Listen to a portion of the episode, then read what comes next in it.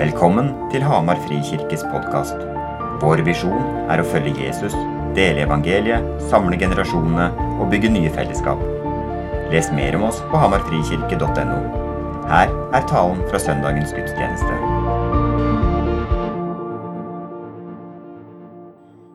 Kjære venner, med all mulig respekt for 1. mai, som vi skal virkelig eh,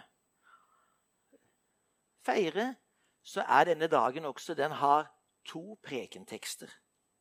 Og den andre prekenteksten den er fra Markus 6, og den kalles i kirkeåret for Hyrdesøndag.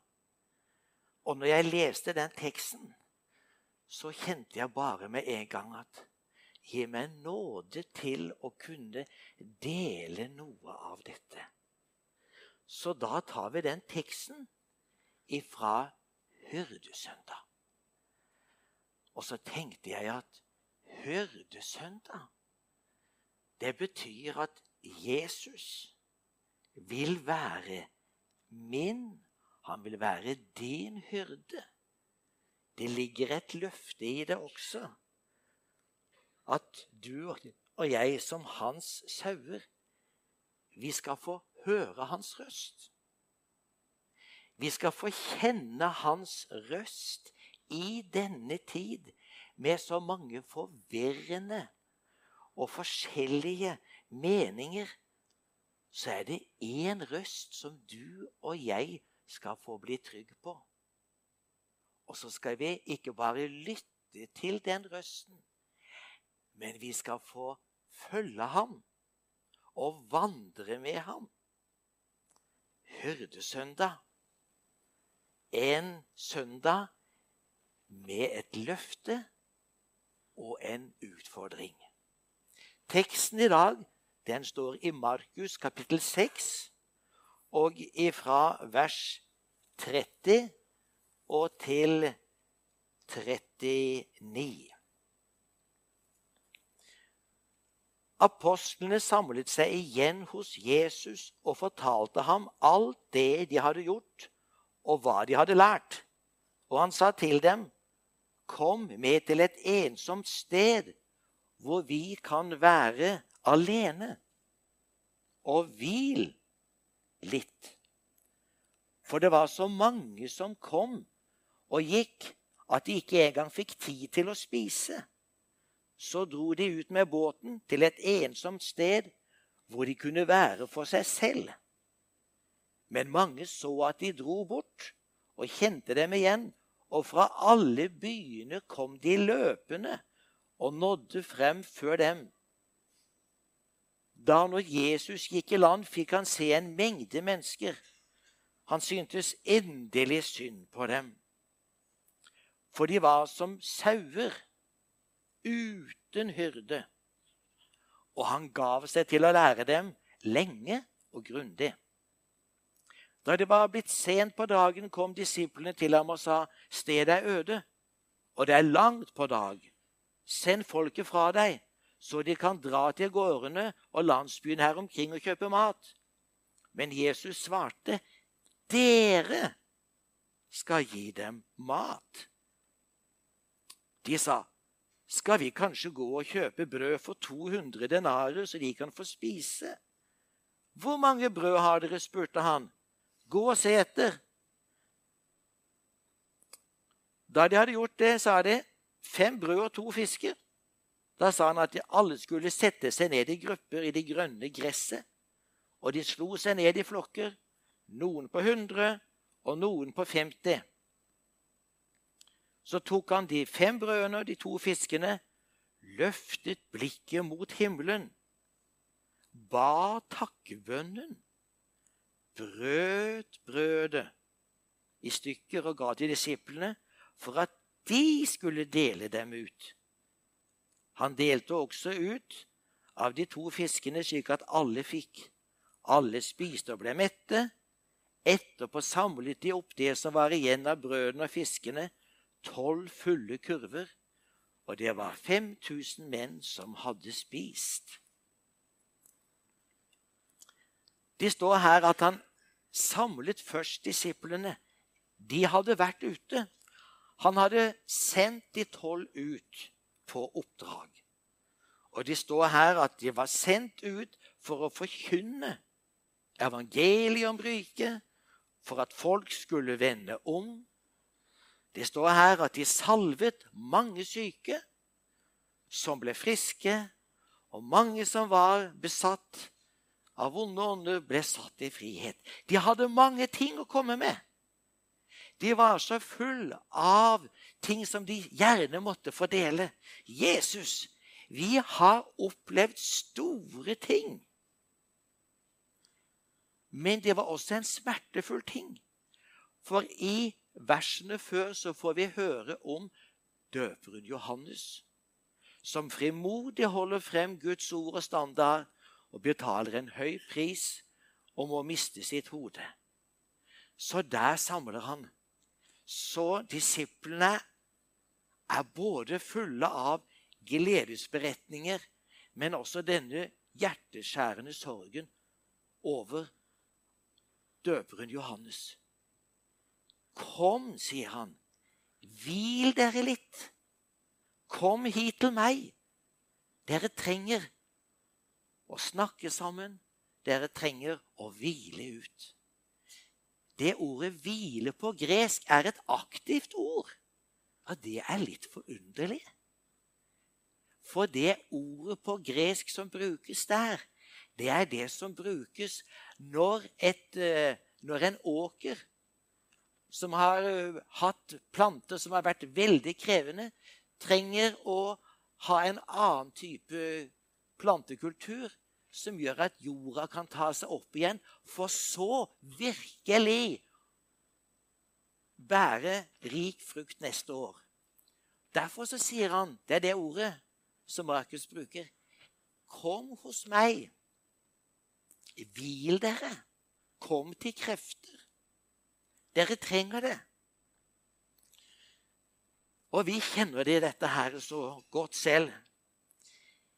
Vi trenger dette her i en tid hvor vi kjenner det er så mange ting som trenger seg på her. Søk først Guds rike.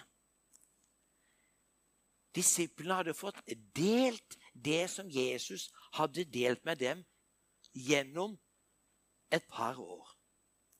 Når de dro rundt omkring så delte de ikke bare masse prinsipper.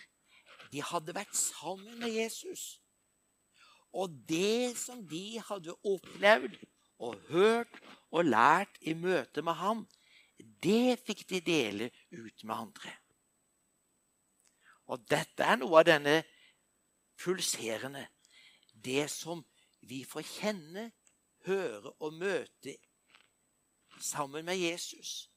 Det skal vi få lov til å dele med andre.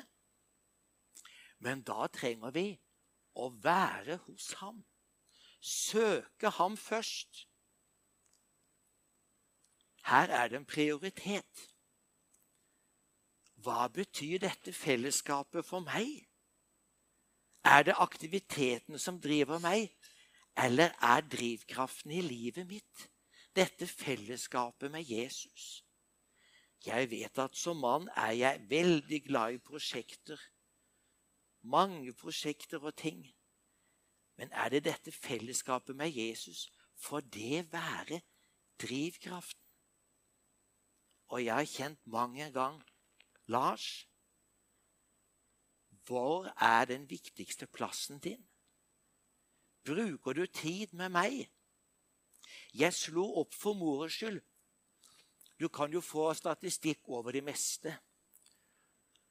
Og der står, jeg, står det Hvor mye tid bruker en vanlig amerikaner på religiøse aktiviteter? Og der sto det her Og det var altså stat for stat. Og der sto det at det varierte mellom ifra 2 til 17 minutter daglig bruker en gjennomsnittsamerikaner på bibel og bønn. To minutter på østkysten og 17 minutter nede i Texas og Alabama. Ja. Og så sto det etterpå hvor mye tid bruker den vanlige amerikaner på fritidsaktiviteter per dag. Og det var fra fire og en halv time til seks timer. Det var eh, litt av noen forskjeller. Og så var jeg litt nysgjerrig for å se hvor mye tid bruker amerikanske pastorer dagen, daglig på Bibel og bønn. Og da var det tre forskjellige undersøkelser. Den ene, som jeg bare ser her på Ja, faktisk. Den ene viste sju minutter. Den andre viste 17, og den mest positive viste en drøy halvtime på Bibel og bønn. Ja. Jeg husker Alv Magnus fortalte på en fulltidssamling for eh, to-tre år siden. Det er gjort lite sånne undersøkelser i Norge, men han sa i frikirkelige sammenhenger så har man funnet ut sånn løselig at én av fire frikirke, altså pinser og frikirke, folk Én av fire har et, reg, et uh, regelmessig bibellesning og bønneliv. Én av fire. Og Alv utfordret oss veldig. Er det noe av grunnen, sa han, til at vi ser så lite av Åndens ild og Guds brann iblant oss, husker jeg han utfordret oss. Vi kjenner at vi trenger det. Vi trenger dette fellesskapet.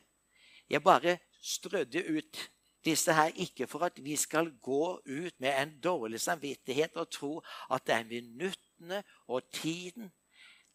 Men det ligger likevel en liten utfordring. Jeg har elsket dere, sier Jesus, slik som Faderen har elsket meg. Bli i min kjærlighet, sier Jesus i Johannes 15, 9. Bli i min kjærlighet. Og jeg kjenner virkelig utfordringen der. Fordi at jeg har feilet dypt, og jeg skal dele litt personlig med det. Og det at eh, for en eh, godt og vel fire år siden så var min datter ferdig på lærerskolen og skulle begynne oppe i Valdres. Og der hadde hun fått jobb, men de var ennå ikke ferdig i den leiligheten som hun skulle leie. Og dette var på det vakreste stedet i Valdres, like før du drar oppfor mot Filefjell.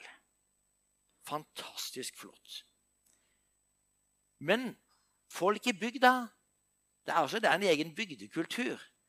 Da var det slik at en bonde visste her om at ja vel, unge frøken Jørgensen skulle få lov til å låne eh, hytta hans oppe ved Synfjellet. Den skulle bo utrolig billig ved foten av Jotunheimen.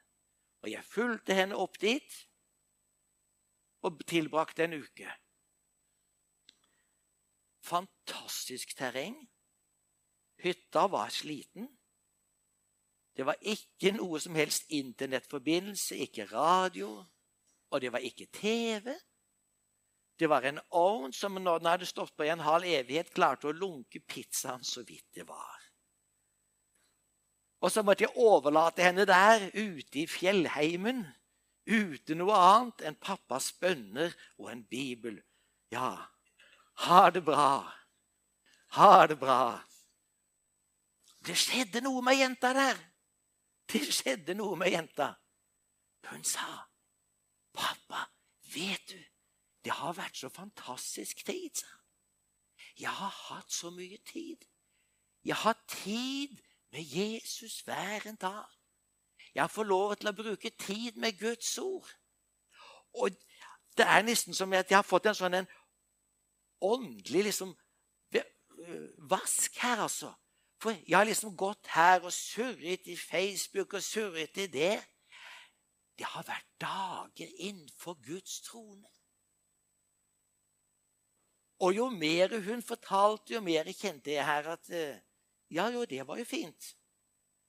Og så begynner hun, for vi hadde ofte samtale. 'Pappa, du sier alltid å sitere hva andre har sagt.' Og du siterer hva den har sagt. Men du sier aldri til meg hva Jesus har minnet deg om. Og så fikk hun en sånn nød for meg. 'Pappa, har det bremset opp i kristenlivet ditt?' Jeg er så redd for at du sitter igjen med en mengde meninger og tanker. Hvor er brannen din, pappa? Og tiden gikk videre. Og hun sa, 'Jeg ber for deg, pappa. Jeg er redd for deg.' Åssen prioriterer tiden? Hvor mye tid bruker du på, på TV, pappa? Jeg tenkte TV, TV Jeg ser av og til på History Channel og litt sånn. Ja, Og hun utfordret meg. Og hun utfordret meg. Og jeg ble jo Jeg ble sint.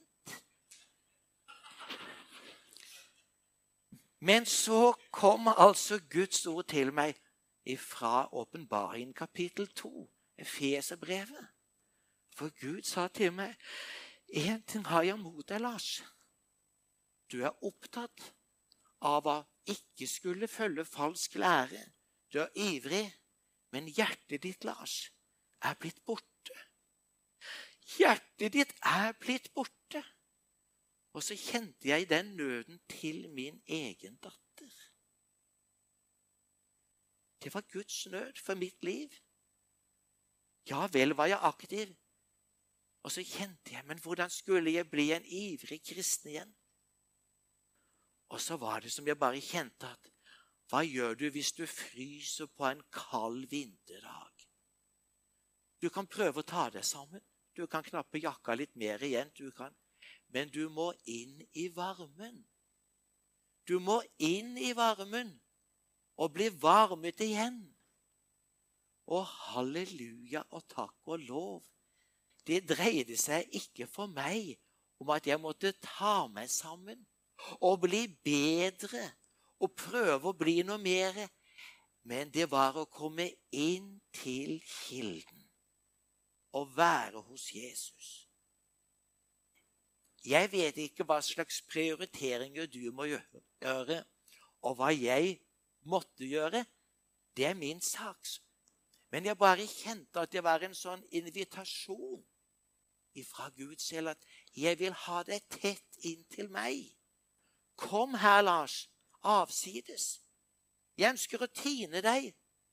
Og som vi sang om, kom til meg med det beste du har. Kom til meg med det såreste du har. Kom til meg med det verste jeg har. Alle de som Faderen gir meg, kommer til meg. Og de som kommer til meg, vil jeg aldri støte ut. Og så fikk jeg kjenne, Herre, du tar imot meg. Her har jeg vært kristen i over 40 år. Men takk, Jesus. Jeg kan slippe denne fasaden. Du kjenner meg. Jeg kommer til deg igjen. Og vet du hva som ble så nytt og levende for meg? Det var ikke dette at jeg måtte prøve å sitte lenge stille og føle noe. Nei! Ordet sier i Romerbrevet 10.6-8 Rettferdigheten av tro, den sier du trenger ikke å fare opp til himmelen for å hente Kristus ned, eller fare ned i avgrunnen for å hente Kristus opp. For ordet er det nær, det er i din munn og i ditt hjerte. Og så gikk det jo opp for meg Jesus, du taler til meg. Ja, noen ganger er det en tanke som rører ved meg. Noen ganger så er det Guds ord. Og dette ordet blir bare mer og mer for meg. Gud, når som helst og så sier det, det som Gud minner om Når du tier, Lars, når du kan være litt rolig, så kan jeg komme med min stemme og hviske inn til deg.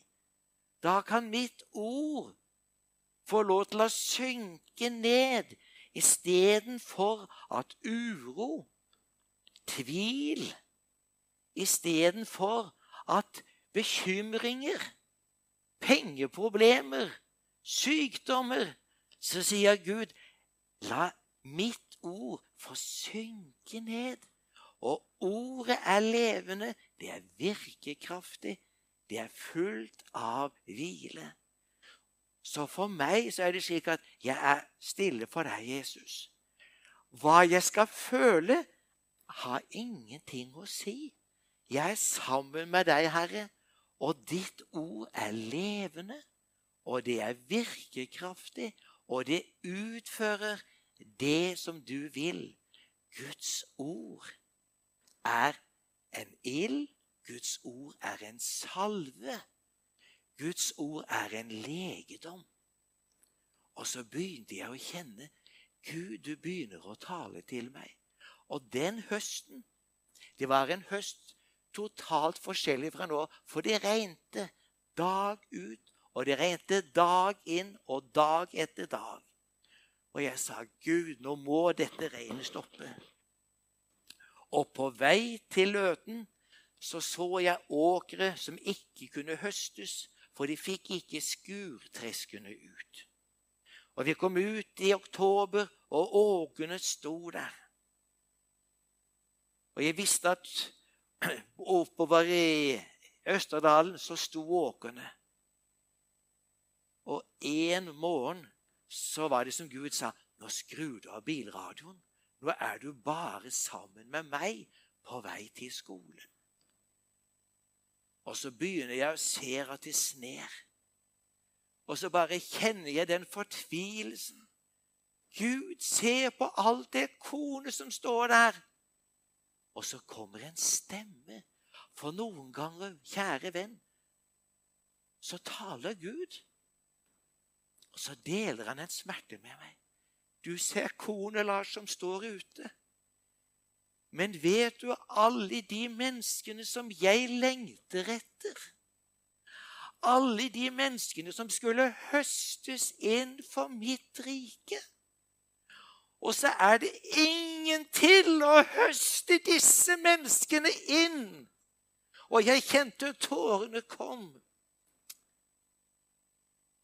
Så når Gud sier, 'Gi deg mat, gå ut og hent', så når Gud begynner å røre ved hjertet ditt, så er det ikke bare det her at 'Å ja, du må ut'. Å ja, du må ut. I stillheten innenfor Herren så skjer dette her. Du får kjenne hans fars hjerte. Du får kjenne hans omsorg, du får kjenne hans legedom. Men du får også kjenne noe av hans smerte. Noe av hans hjertelag. Og da blir det ikke lenger bare her at du må ut. Du kjenner det er noe mer. Det er en Gud som har en brann. Det er noe som skjer også innenfor Herren. Det sies i dag at vi har en generasjon av foreldreløse barn, eller iallfall farløse barn. Jeg er i fengsel og skal dele litt der, for det er noe av det sterkeste jeg opplever for tiden. Men jeg møter menn som er nesten foreldreløse, som ikke kjenner sine fedre. Og så tenker jeg mange ganger har vi kristne som ikke kjenner sin far? Hva det betyr? Men vi har en far som ønsker å røre ved oss. Vi er en kristen generasjon, folkens, som trenger å kjenne sin åndelige far. Jeg bare hopper litt videre. Når du kjenner dette her Dere skal gi dem mat. Det kan du gjøre når du får mat av Herren da er det den største gleden du kan oppleve. Og jeg har lyst til å bare dele noen få eksempler på gleden ved å kunne gi ut av Guds ord. Det er jo litt spesielt i den fortellingen når Jesus sier dere skal gi dem mat. Men hvem er det som tar brødet, velsigner det, ber takkebønnen og bryter? Det er jo Jesus som gjør det. Men så vil han at de andre skal få være aktivt med, så de kan få del i velsignelsen. Det er en velsignelse i å være med og dele ut Guds ord. Det er en velsignelse i å få være med det som Herren gjør. Her i sommer så fikk jeg en telefon fra en helt annen kant på Østlandet. Kan du være med og be for en dame som har tre måneder igjen å leve? Ber du for syke? Ja, sa jeg. Og jeg har hatt mye helseproblemer siste år. Det skal jeg ikke tale mer om. Har du en spesiell nådegave? Nei, sa jeg. Men det står i Guds ord. Ja, og så ble vi enige om vi skulle møtes en dag, og den personen syntes det var greit nok. For dette var et ungt ektepar som hadde fått så nød for en nabo som hadde kort tid igjen. La oss søke Herren, sa jeg. Hva skal vi gjøre? Hvis du ber for et dødssykt menneske, så kan du risikere at du gjør noe fryktelig galt. Hvis du går frem på gal måte. Det er litt spennende å ta sånne sjanser. Hva skulle jeg gjøre? Hun hadde kontakt med lege, hun hadde takt med andre. Så ble jeg minnet om at kanskje, ikke bare kanskje, hun er en som lengter etter fred med Gud. Det var en tidlig høstdag, og vi var der. Og hun sa, 'Jeg har gledet meg til å møte dere.' 'Har du en spesiell gave?' sa hun. 'Nei', sa jeg. 'Jeg har ikke det.' Og Så måtte jeg spørre hvor mye krefter hun hadde, måtte si ifra. ja. Men så fikk jeg dele med henne en tid hvor jeg hadde vært i dypt mørke og var syk. Og så fikk jeg dele hvordan Jesus kom inn i mitt liv så delte jeg vitnesbyrd, og så sa jeg Du kan ikke bygge livet ditt på meg og mine opplevelser, men nå har jeg presentert deg for Jesus. Jeg drar jo her om en times tid til, og hun andre kan du jo ringe til. Men jeg ønsker så, uansett, vi vil be og velsigne deg, men jeg drar av gårde men at du skal få oppleve at Jesus er igjen hos deg. Vi hadde en forunderlig stund. Og før jeg drar, så skriver hun et vakkert kort, og så sier hun Jeg skal i all evighet takke dere for at dere kom med himmelens fred. Skulle jeg bli helbredet, er det bare bonus. Men nå har jeg fred, sa hun. Å kunne dele evangeliet og si at folk tar imot. Og så opplever du Kan jeg gi fred innenfor døden? Nei, du bare står på sidelinjen. Sist gang jeg var i fengselet Jeg skal skyndte meg mot slutten nå. Og jeg elsker å komme inn i fengselet, for der sitter det en sånn flokk som dette her. Og vi er for Ja, ja, ja, ja, men altså Det er mye mer i livet enn dere. For der får jeg høre at Muhammed er stor. Og sier ikke noe vondt om hans sendebud. Og dette har vi hørt før.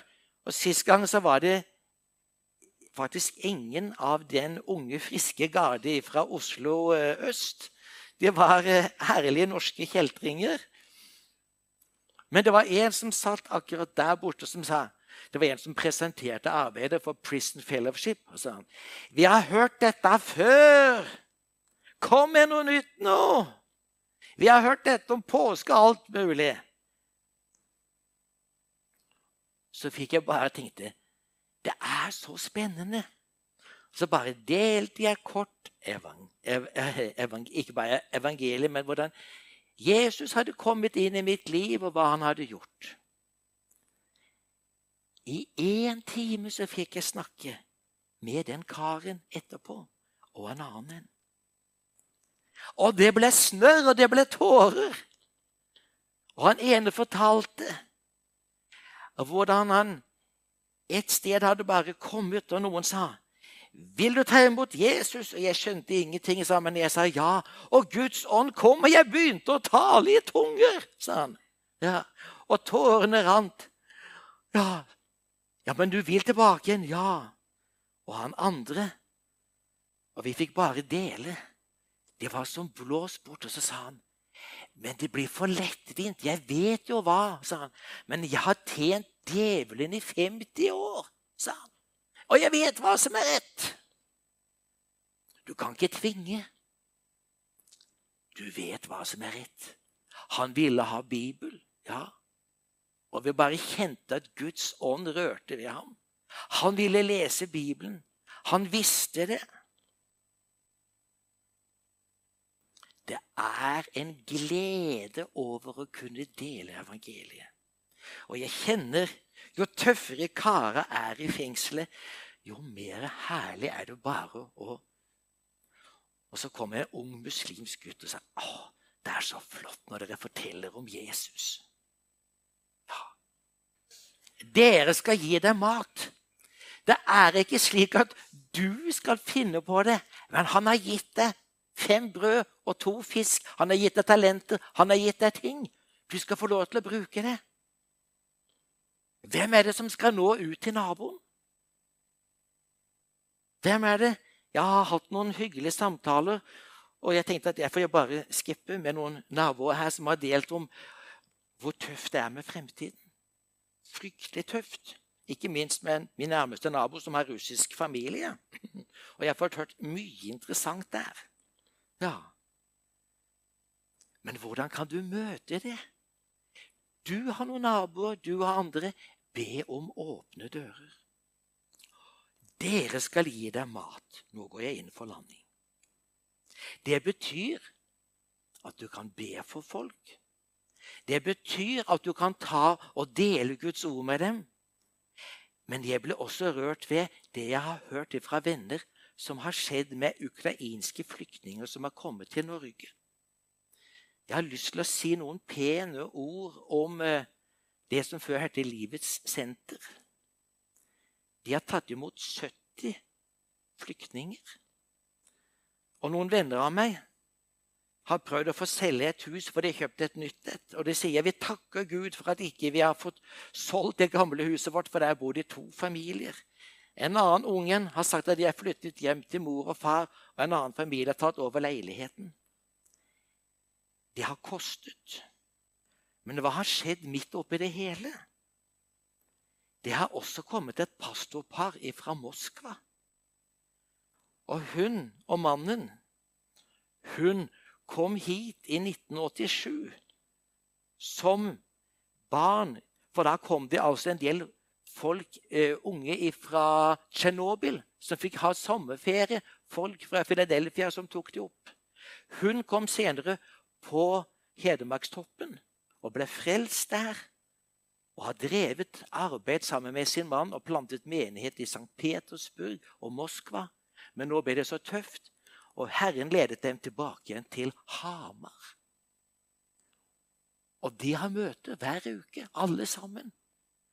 Alle ukrainske flyktninger i Stange vil ha barna sine i kristen barnehage. Det har kostet noe for den menigheten, Livets senter, å ta imot 70 stykker. Men de har gitt dem mat av hjertelag og av andre ting. Det kan koste. Nå går jeg inn for landing. Kjære venner, jeg har tort å være litt åpen og litt ærlig. Hvis du kjenner i ditt hjerte at du har kommet litt på avstand, eller at du aldri helt har fått til dette her med fellesskap med Jesus, så er det ikke tid til noen fordømmelse. For se, de som kommer til meg, vil jeg ikke støte bort. Han er fantastisk.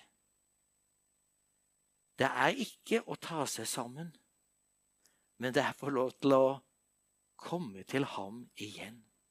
Og han lengter etter å ta deg nærmere til deg. Han lengter etter det. Han ønsker å tenne opp igjen denne flammen. Han ønsker å si, 'Kom til meg i denne tid hvor det er så mange stormer, det er så mange stemmer.' Jeg ønsker å stelle med deg. Ikke vær så opptatt av hva du skal føle og mene. Men er du stille hos meg, så kan jeg tale til deg. Så kan jeg lege deg. Så kan jeg røre ved deg. Jeg lengter etter det. Jeg skulle gjerne ha ropt det enda kraftigere ut. Og jeg kjenner at jeg er en som trenger hver dag å komme. Det er et evangelium.